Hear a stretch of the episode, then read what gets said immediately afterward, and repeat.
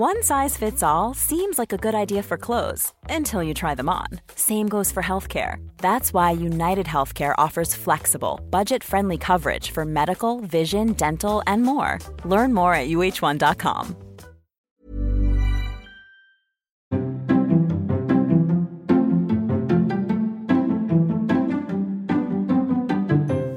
Då är ni välkomna till ytterligare ett avsnitt av eh, Parkinson-podden. Och idag är jag i Uppsala på Akademiska sjukhuset. Och här finns Dag Nyholm som är professor i neurologi. Tack så mycket för att jag fick komma hit Dag. Ja, tack och trevligt att ha dig här. Det är en härlig dag ute, regn och fint. Ja, Som sommaren har varit. ja som den blev i alla fall. Ja. Har haft en bra sommar? ja, den har varit bra. Det var fint väder i början, men jag tycker inte man behöver vara så väderberoende heller. Nej. Man kan ha det bra ändå. Ja. Vad hittar ni på då? då? Ja, faktiskt på din kust av Sverige, på västkusten var vi en del och över till Danmark en liten sväng. Det är trevligt. Och sen har vi mest varit runt Uppsala-trakten där det ju är bäst. Ja, helt opartisk. Det är klart det är det. Eh, Jag tyckte det var mycket mygg här nu faktiskt. Ja, otroligt mycket. Visst det har det kommit en explosion av mygg just nu här, Ja. här i början på september. Bara från parkeringen upp till, till entrén här. Så. Ja, visst. Mitt på blanka dagen. Ja, jag hörde Hälsingland var tydligen väldigt mycket mygg också, så man nästan inte kunde vara ute. Trivs i vattnet. Det är väl så. Det är du och Håkan Widner som svarar på frågor på altonparksson.se som eh, vi öppnade för tre månader sedan ungefär nu. Mm. Hur tycker du att det har funkat så här långt på frågefronten? Det har brakat in rätt mycket frågor. Ja, det har det gjort verkligen. Det är roligt att se att det byggs på där också. Det blir, det blir en bra bank av frågor och svar. Eh, och ja, jag tycker det är bra. Det är roligt att kunna hjälpa förhoppningsvis fler än bara frågeställaren. Så mång, många personer på en gång kan få nytta av eh, ja, svaren som vi ger på ibland ganska enkla frågor och ibland väldigt svåra frågor. Det är ju, eh, vi ska ändra lite grann där har vi sagt nu utifrån några läsare. Att man ser exakt när nya frågor och svar kommer in. Just det. Eh, Och sen titta över den här kategoriseringen också. eh, Över de behandling, medicin, fysisk träning och så vidare. Det är ett så kallat lyxproblem när det kommer in så många frågor som man måste börja sortera i dem. Ja, men eller hur? Man måste göra det så att man ska göra det så lätt som möjligt att hitta svaren. Och det är precis som du säger, det är många som går in och bläddrar igenom och hittar just sin fråga. Eh, för det, många gånger funderar man ju på samma sak. Och sen är det ju som du säger också enkla frågor många gånger. Och varför går du runt och oroar sig i onödan? Det är ju slöseri med tid. Absolut. Altonparkinson.se går ni in på så kan ni ställa era frågor där till Dag Nyholm och Håkan Widner, våra båda neurologer. Då ska vi ta och eh, prata lite om L-dopa och dopaminbehandling och lite repetition, det är ju kunskapens moder. Ja, visst. L-dopatabletter är ju basen i behandlingen eh, vid Parkinsons sjukdom. Eh, ändå stöter man på frågor titt som tätt att de har inte fått eh, L-dopa än av sin neurolog eftersom det finns en risk att den tappar i funktion på tid eller i styrka över tid. Mhm, säger du då. Det, Ja. det stämmer ju inte riktigt. Nej. Nej. Ehm, När ska man sätta in L-dopa efter att man har fått Parkinson-diagnosen? man kan sätta in L-dopa direkt. Jag brukar rekommendera det. Ehm, det finns ju andra, eller det finns framförallt en annan medicin som man också kan sätta in direkt. Så, alltså en dopaminagonist eller dopaminhärmare. Det kan man också göra som första, förstahandsbehandling. Men L-dopa är viktigt att det kommer in, eh, inte allt för sent, utan eh, ja, man kan lägga till. Om man nu börjar med en dopaminagonist som, som ju har fördelen att man bara behöver ta den en gång per dag, en gång per dygn. Medan Det är. Acilect och Rasagelin och sånt? Nej utan, nej, utan jag tänker på um, de som heter Cifrol och Requip och Ja. Ropinerol och Pramipexol och sådana namn. De, de kan man ta eh, som ensam dos till att börja med. Eh, om man vill. Det kan man diskutera. Eh, men sen, sen brukar man lägga till L-dopa och kombinera med. Och problemet med den är att man måste ta den tre gånger per dag. Så att det, det är lite mer pyssel med den. Men samtidigt så är det den som på lång sikt har absolut bäst effekt och minst biverkningar. Förlorar den effekt över tid? Nej, den förlorar inte effekt över tid. Eh, det som händer över tid är att det blir lite kortare, mer kortvarig effekt.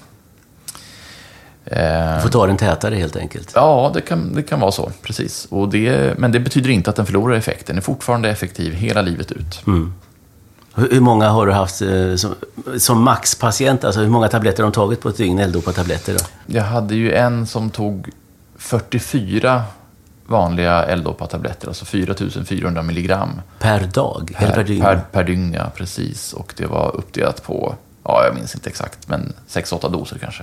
Och då mådde han eller hon bra? Ja, det var, eh, jag minns att den här personen spelade tennis och, och så vidare och eh, mådde bra på den dosen, behövde den dosen. Det är extremt ovanligt att man behöver så mycket Mm. medicin, men eh, bra att veta att det kan behövas. Sen så eh, är det ju det här med mat och L-dopa-tabletter också.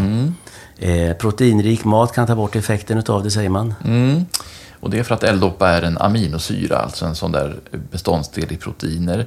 Och om man då äter mat och tar tabletten samtidigt så finns det en liten risk att matens aminosyror tas upp till, i blodet och eh, till hjärnan istället för medicinen.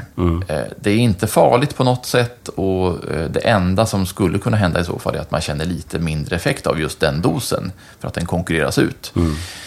Men jag brukar tycka att man ska strunta i det här med att separera mat och mediciner. Det går jättebra att ta medicinen till mat om man tycker att det är praktiskt.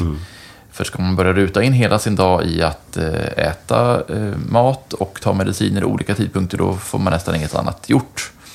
Och det är bara en del som verkligen känner av att det blir en skillnad. Så, så eh, det kan vara bra att känna till att maten kan ställa till det lite grann, men veta att det inte är farligt och man kan gärna ta tabletter och mat samtidigt om man vill. Jag hörde någon siffra på 20-25 procent som känner verklig skillnad eh, överhuvudtaget. Jag tror att det är, den siffran är lite hö- hög faktiskt. Jag tror att det är lite mindre än så. Det är mindre än så, Men, ja. Men det är bra. Alltså, det är inga problem att ta medicinen tillsammans med maten. Nej, det går jättebra. livet. Det, det, om, om man tycker att det gör det så går det alldeles utmärkt. Hur viktigt, ja, många sätter ju sina klockor så att de plingar och ringer. Är- Ja. Är det med livet som insats i princip att man måste ta den exakt? det är ju inte det. Och sen beror det då på, alltså det märker man. Mm. Eh, Är man relativt tidigt i sjukdomen så spelar det ingen roll eh, alls när man tar sina mediciner. Det är bra att man får i sig dem i, i den, den totalmängd som man ska per dag, men klockslagen spelar absolut ingen roll. Däremot när man börjar känna av det som kallas för dosglapp, det vill säga att medicinen håller kortare tid, då blir det viktigt med, med klockslagen. Och det är inte viktigt för att det är livsviktigt på något sätt, utan bara för att man ska må bättre och ha symptomlindring hela dagen. Eh, då börjar det bli lite noggrannare och då är det, kan det vara perfekt att ha ett alarm i sin mobiltelefon till exempel, eller vad man har. Och en aspekt till det eh, är ju att en del har väckarklocka, för att det står på receptet att man ska börja medicinera klockan 8.00. Men om man nu en lördag vill sova lite längre, då tycker jag att man ska få det. Man måste inte ha väckarklocka på 8.00 då för att ta medicinen, utan vaknar man 9 eller 10 så går det alldeles utmärkt att vänta tills dess med att börja ta medicinerna. Så kan man försöka förskjuta dosschemat den dagen då i så fall. Det är öppet för flexibilitet där. Väldigt mycket. Är det inte så också att på morgonen så kan man känna att det funkar rätt bra ett tag? Eh, Man har någon form av dopamin lagrad under natten. Ja, precis. Det är relativt vanligt fenomen att det, vi, vi har ett engelskt begrepp för det, sleep benefit, alltså att man, man mår bättre när man har sovit. Eh, och precis som du säger beror det troligen på att man har producerat eget dopamin under natten och, och, mm, och mår därför bra, kanske ett antal timmar ibland eller ett antal minuter eh, innan man egentligen behöver ta någon medicin. Men, men det är också olika. En del vaknar och behöver verkligen ha medicin det första. För att komma ur sängen Ja. i princip. Ja. Så egentligen allt det här vi pratar om nu, det är ju väldigt individuellt. En del, För en del är det på ett sätt, för en del är det helt tvärtom. Om man tittar på träning. Eh, många säger att de känner att när de kör ett träningspass då eh, tar tabletten slut fortare. Mm. Är det så att man bränner slut på dem snabbare när man är fysiskt aktiv? Ja, det har varit svårt att vetenskapligt bevisa att det är så, men det är jättemånga som berättar att det är så, att det känns så. Och då är det ju så, för de personerna som känner så. Så eh, då är det många som tar en liten, kanske en liten halv tablett extra av eh, L-dopa, till exempel eh, Madopark då, eller Cinemet, eller något annat som heter något med levodopa, eh, innan man ska träna. Så en del gör det, har den strategin och tycker att det känns bra att man har lite extra bränsle att ta av då. Kan man ta för många? Alltså, vad händer om jag tar två av misstag för tätt och sådär, att jag blir överdoserad? Ja, då finns det risk för biverkningar förstås. Typ? Som, eh, typ illamående skulle det kunna vara. Det skulle kunna vara eh, blodtrycksfall, att man blir lite yrslig, yr i huvudet. Eh, man kan känna allmänt obehag om det blir för mycket. Och sen är det då den vanligaste biverkningen på lång sikt, det är överrörlighet. Det vill säga att det blir lite ofrivilliga vridande rörelser i, i någon, någon, kroppsdel. De första åren av sjukdomen har man inga sådana. När man har haft en, en sjukdom i några år så då blir det där det syns tydligast. att Tar man för mycket så blir det överrörligt. Men inte farligt. Det är inte farligt. Det kan vara lite besvärligt och jobbigt och det syns ju att här är det någonting som inte stämmer.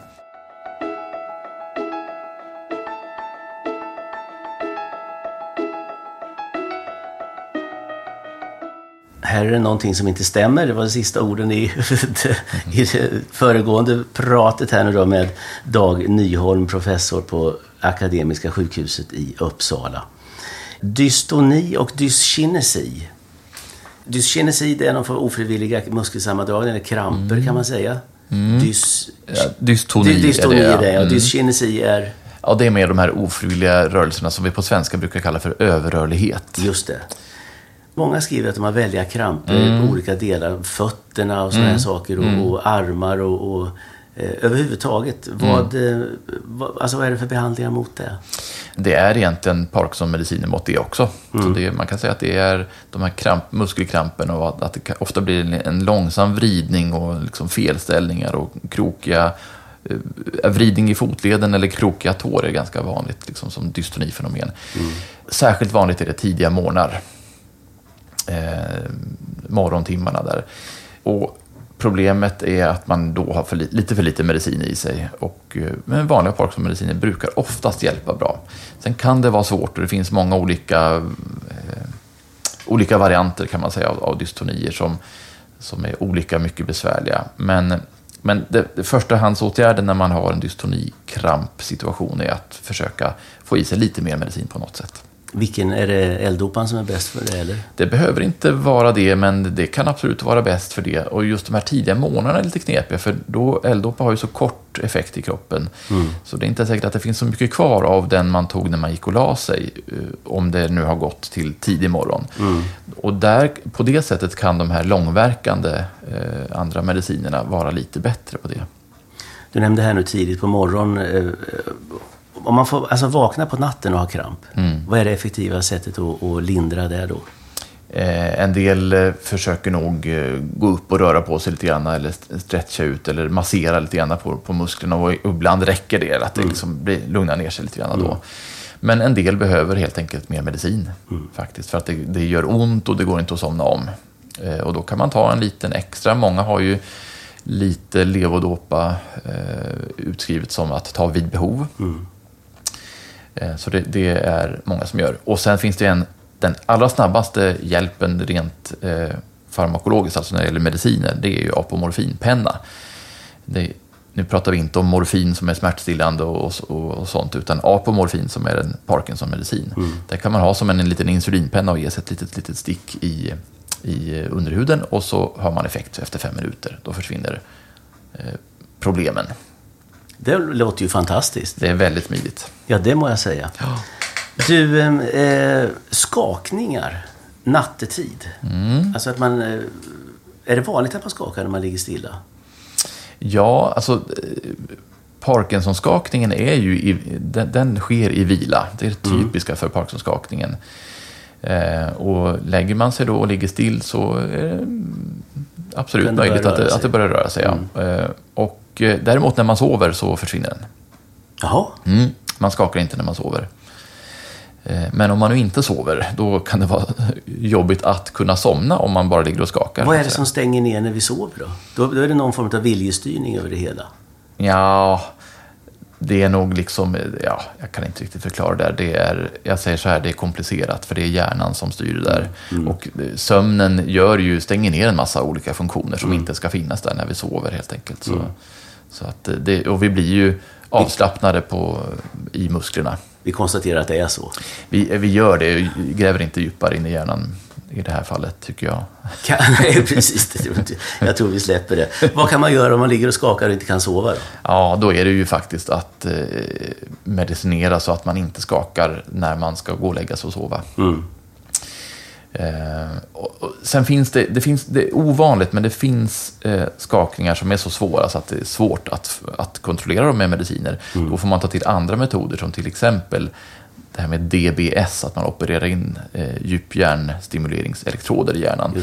De kan hjälpa jättebra mot skakningar i de fall där medicinerna inte hjälper. Men för de allra flesta så hjälper medicinerna och då handlar det bara om att, att parera och liksom, uh, justera in så att medicinerna hjälper så långt så att man hinner somna utan att skakningarna kommer tillbaka.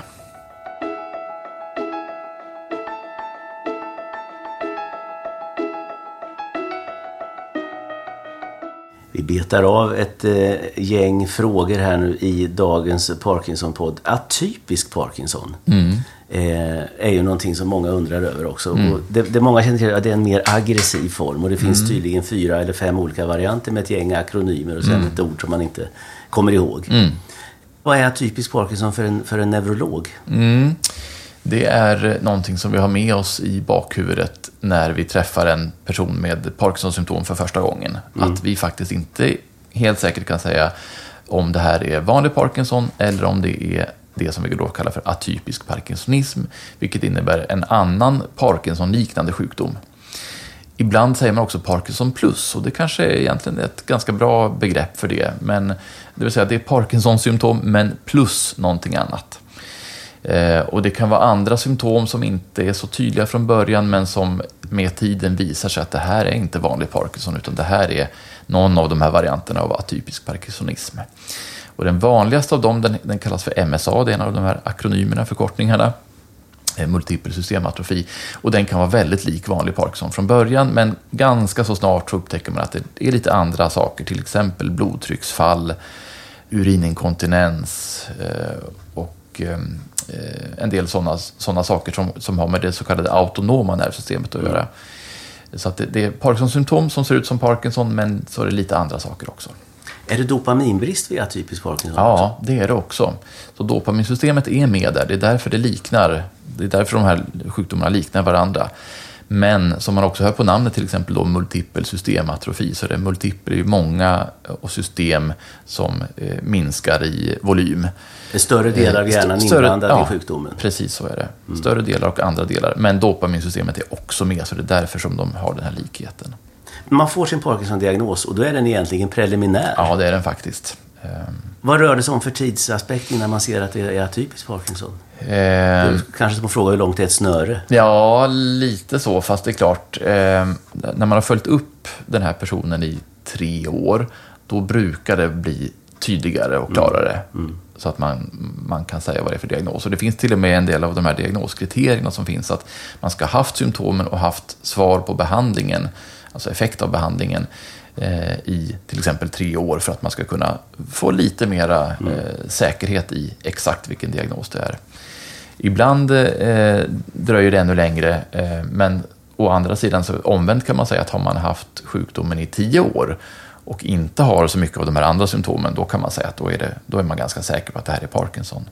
Och det beror ju på att tyvärr är de här atypiska varianterna då eh, mer svårbehandlade och man faktiskt kanske inte lever lika länge som förväntat. Det är egentligen inte Parkinson per definition. Nej, det är inte det. Det är Nej. andra sjukdomar.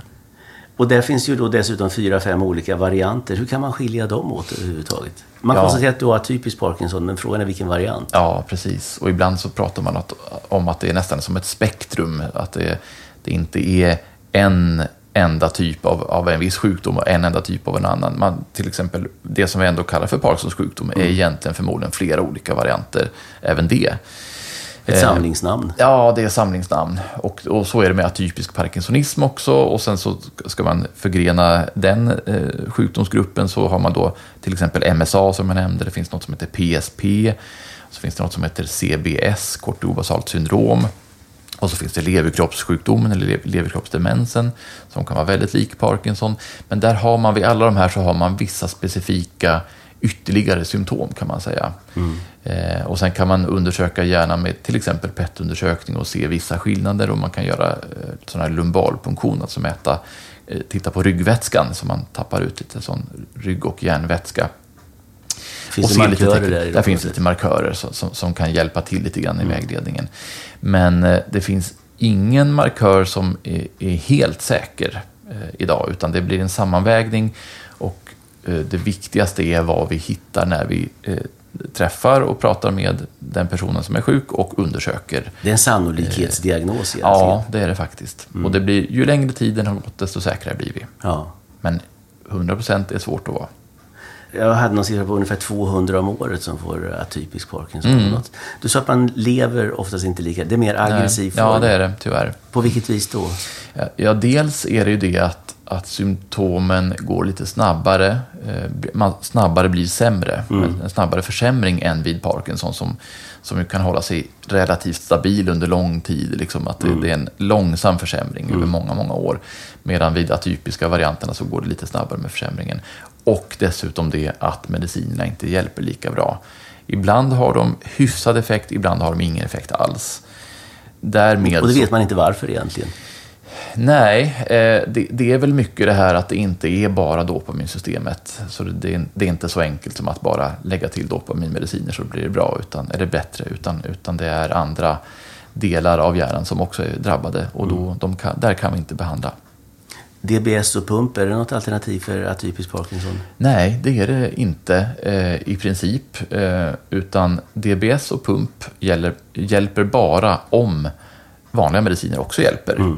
Eh, och fördelarna med DBS och pump är ju att de, de är bra på att behandla om det är fluktuationer, alltså svängningar i, i symptomen eh, fram och tillbaka. Det som kallas för on- on-off Just problem. det. On-off symptom. Eh, men om vanlig, vanligt L-dopa inte har effekt, då hjälper inte DBS eller pumpar heller. Nej. Nej.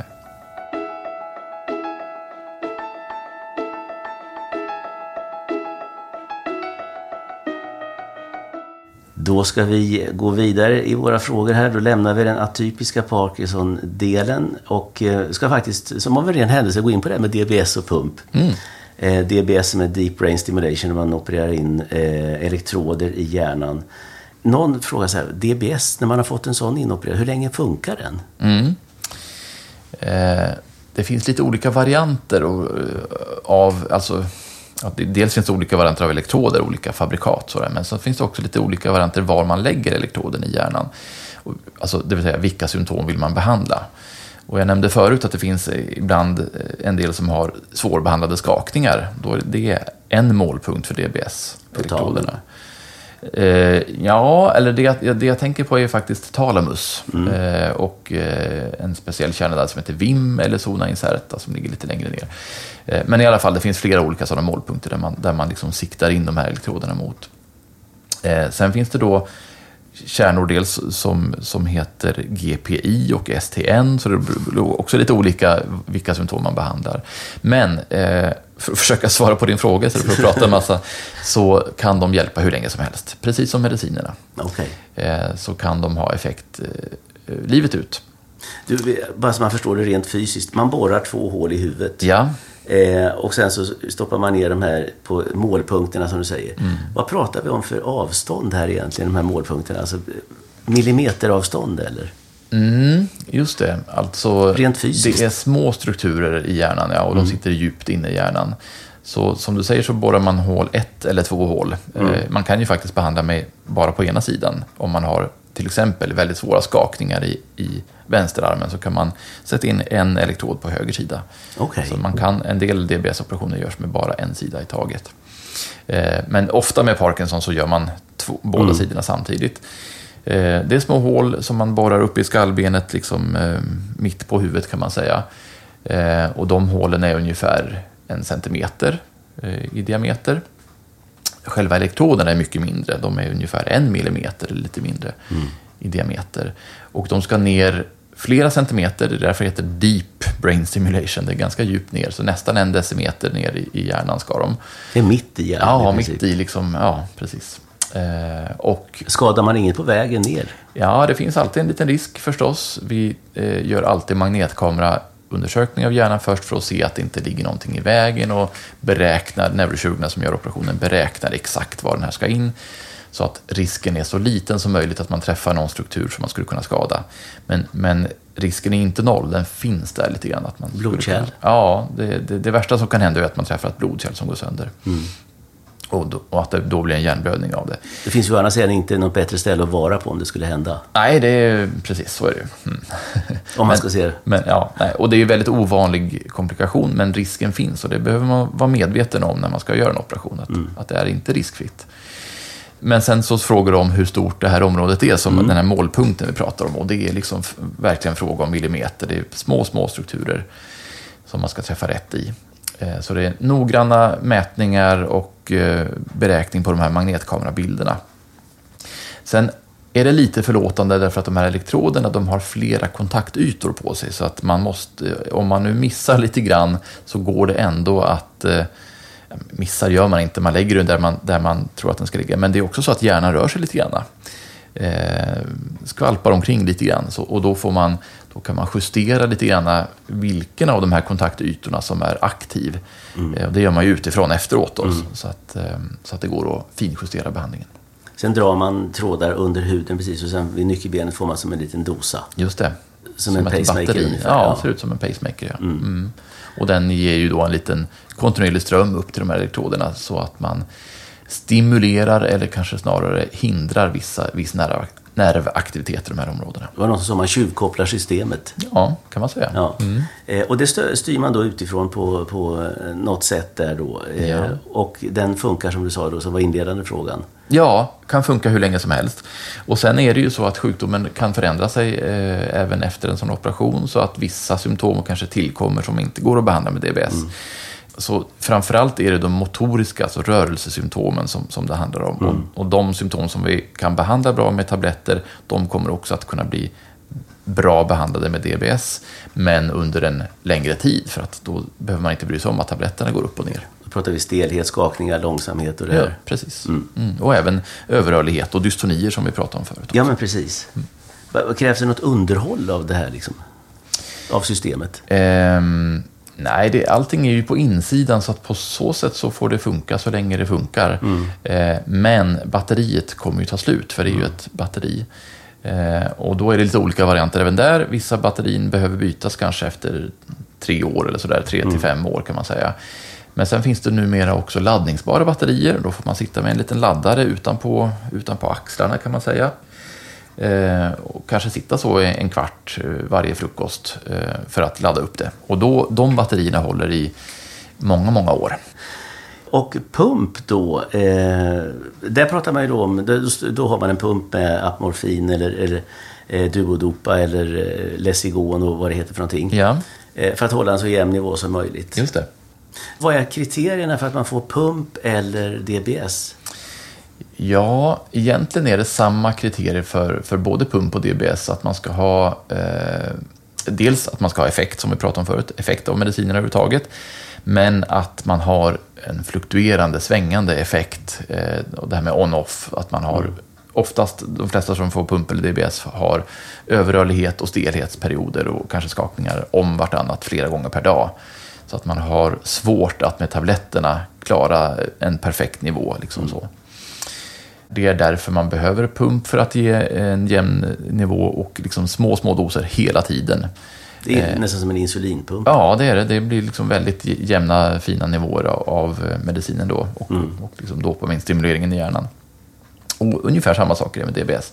Men sen har du ju de, de här behandlingarna, de här tre huvudtyperna av behandlingarna, eh, lite olika, eh, ja, som vi säger, eh, Eh, indikationer och kontraindikationer, det vill säga anledning att få medicinen eller behandlingen eh, eller anledning till att, man, att en behandling inte är lämplig, en kontraindikation. Där får man liksom, eh, diskutera med varje enskild individ liksom, vad som passar just den individen bäst.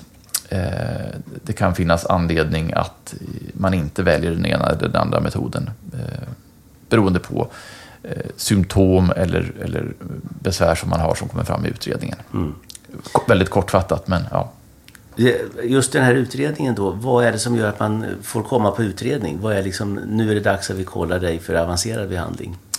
Ja, där finns det lite olika, säkert lite olika uppfattningar om det och lite olika metoder att, att ta till det. Men, 521 är ju något man har hört Ja, talas om. exakt. Ja, precis. Eh, det är ett sätt att försöka liksom sätta siffror på hur, vilka kriterier ska man kunna använda.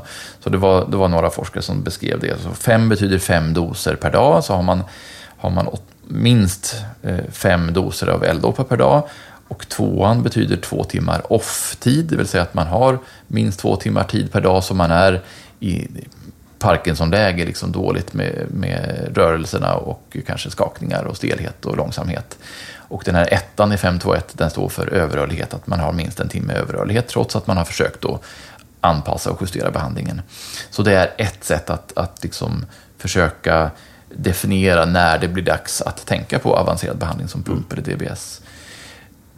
Jag, vet inte, jag gillar personligen inte själv eh, riktigt det här med sådana här liksom, kriterier och så, för det, det, blir så, det blir ändå lite svårt att, att förstå. Så att jag brukar tänka att om medicineringen fungerar stabilt över dagen eh, och att man är nöjd med den, då, då är, behövs det inte någon pump eller DBS. Men är det så att det svänger upp och ner och man har svårt att med medicinerna justera så att det blir lagom medicinering hela tiden, då, det är då som det är dags att börja fundera på någon av de här metoderna. Lite kalibrering helt enkelt Ja. av systemet. Mm.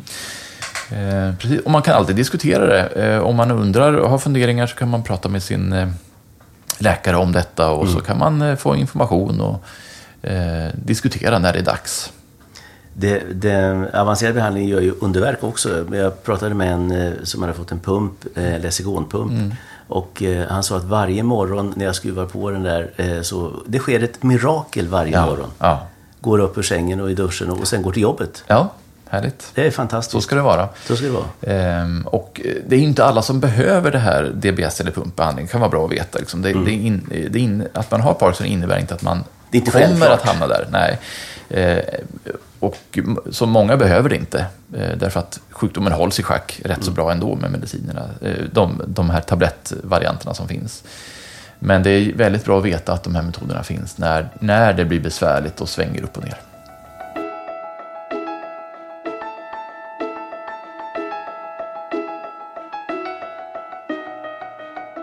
Då ska vi eh, ge oss in på detta lite grann med forskningen en kortis också.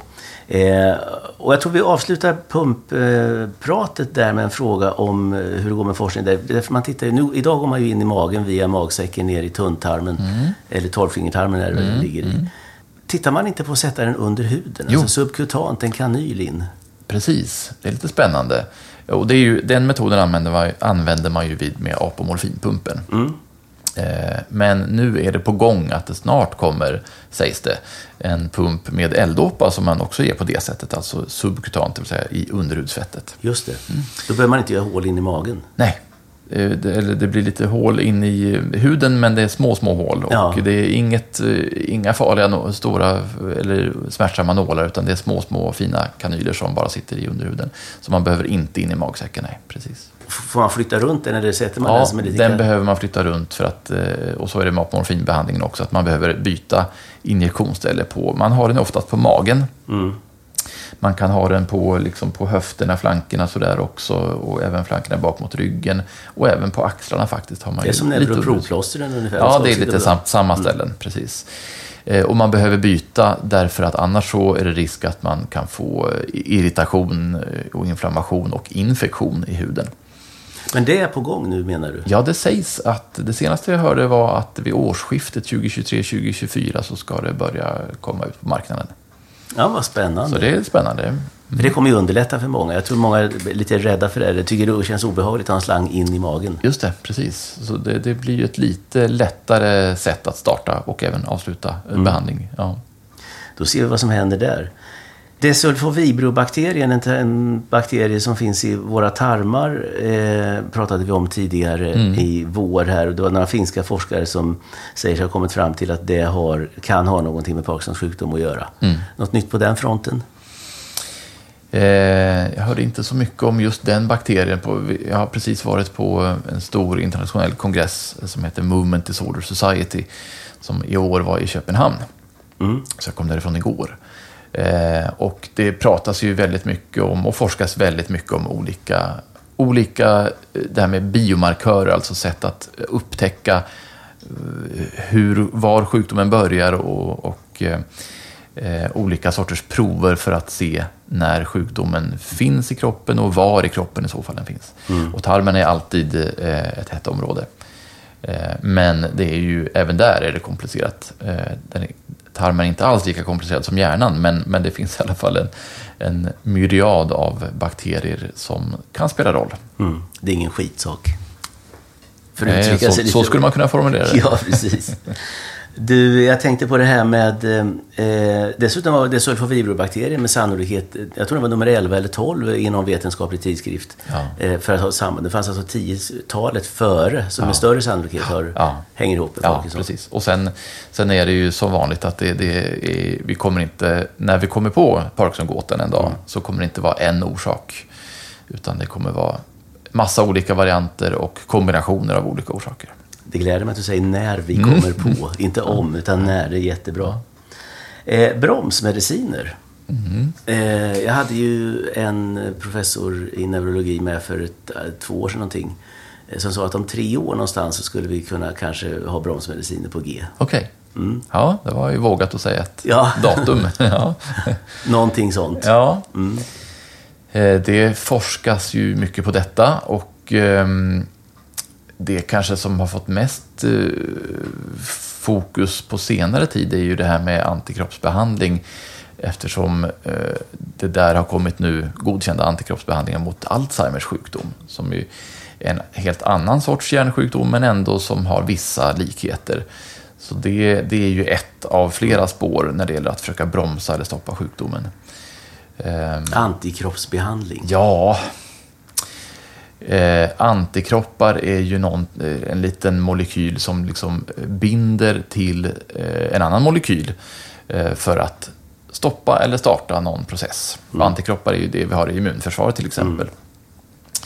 Eh, och eh, i, i, när vi pratar om de här typen av sjukdomar då är det ju felväckade proteiner man brukar prata om. Så att vissa proteiner som, som det blir något fel med och så väcker de, sig, klumpar ihop sig och så eh, kanske de bidrar till sjukdomsutveckling. Vi vet ju inte exakt varför det här sker, men tanken med de här antikropparna då mot de här eh, felväckade proteinerna vid de här sjukdomarna är att man liksom ska kunna få de här antikropparna att fästa till de, de här felväckade proteinerna och försöka förhindra dem att de utvecklar sjukdomen vidare.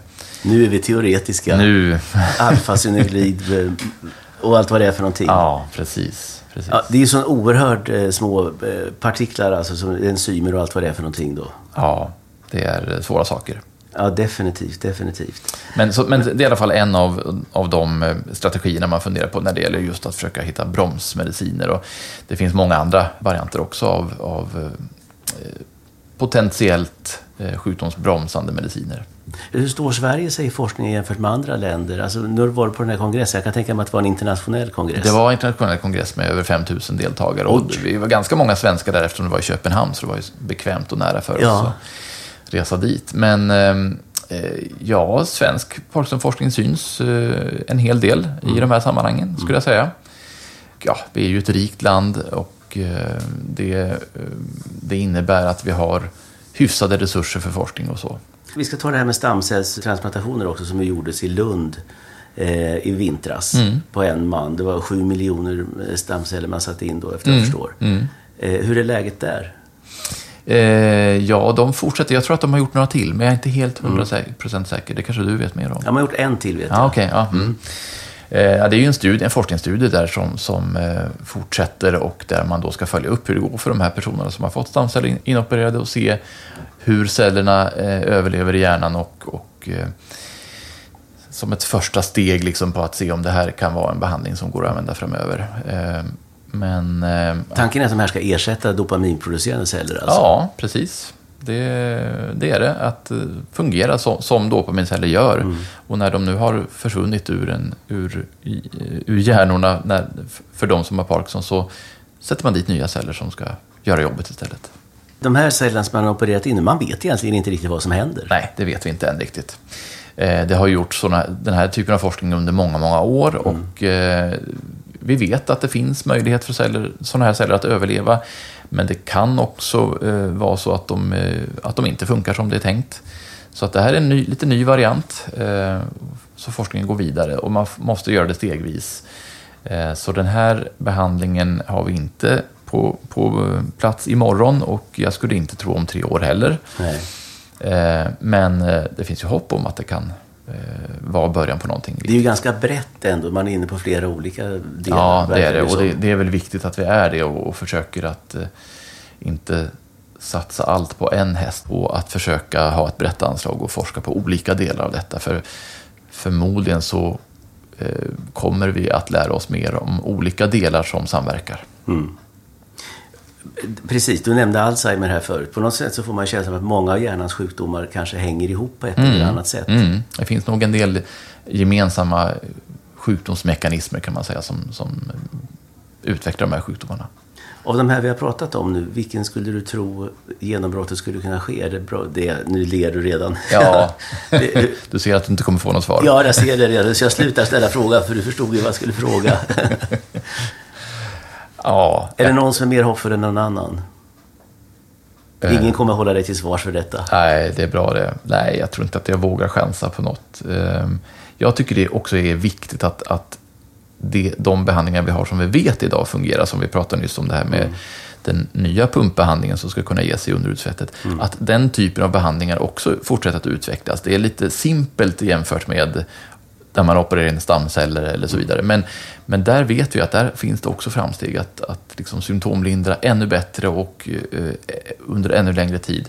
DBS och pump 2.0 eller 3.0? Ja, men precis. Det, även de metoderna utvecklas mm. vidare och det tycker jag är viktigt för där, där, där har vi ju kommit jättelångt bara på de senaste åren att vi är mycket bättre idag på att behandla eh, sjukdomen. Så, så, det ska vi komma ihåg att den, den forskningen också är viktig.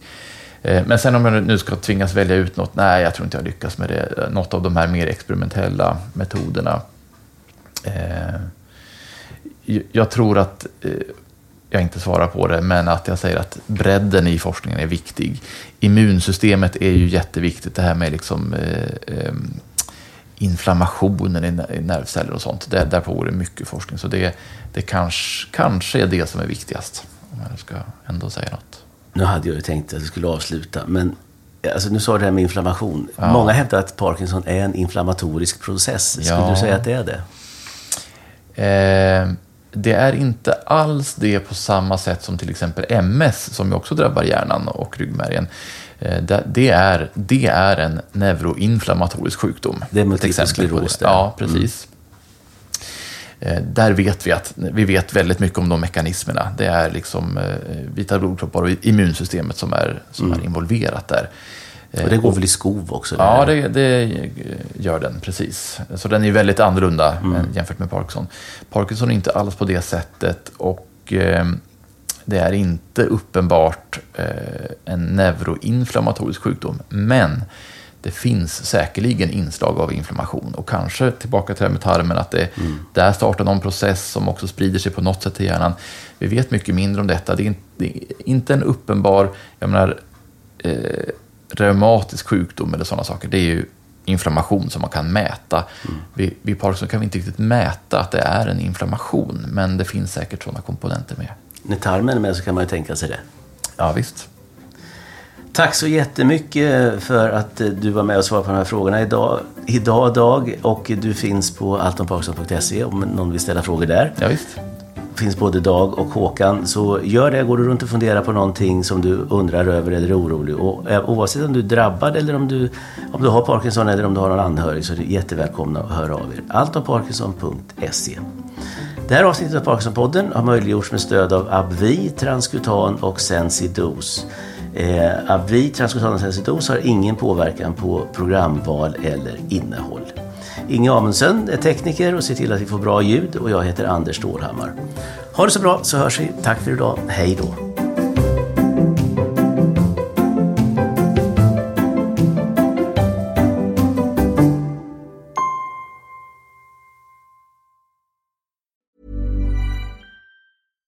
Catch yourself eating the same flavorless dinner three days in a row? Dreaming of something better? Well, HelloFresh is your guilt-free dream come true, baby. It's me, Gigi Palmer. Let's wake up those taste buds with hot, juicy pecan crusted chicken or garlic butter shrimp scampi. Mm. Hello Fresh. Stop dreaming of all the delicious possibilities and dig in at HelloFresh.com. Let's get this dinner party started.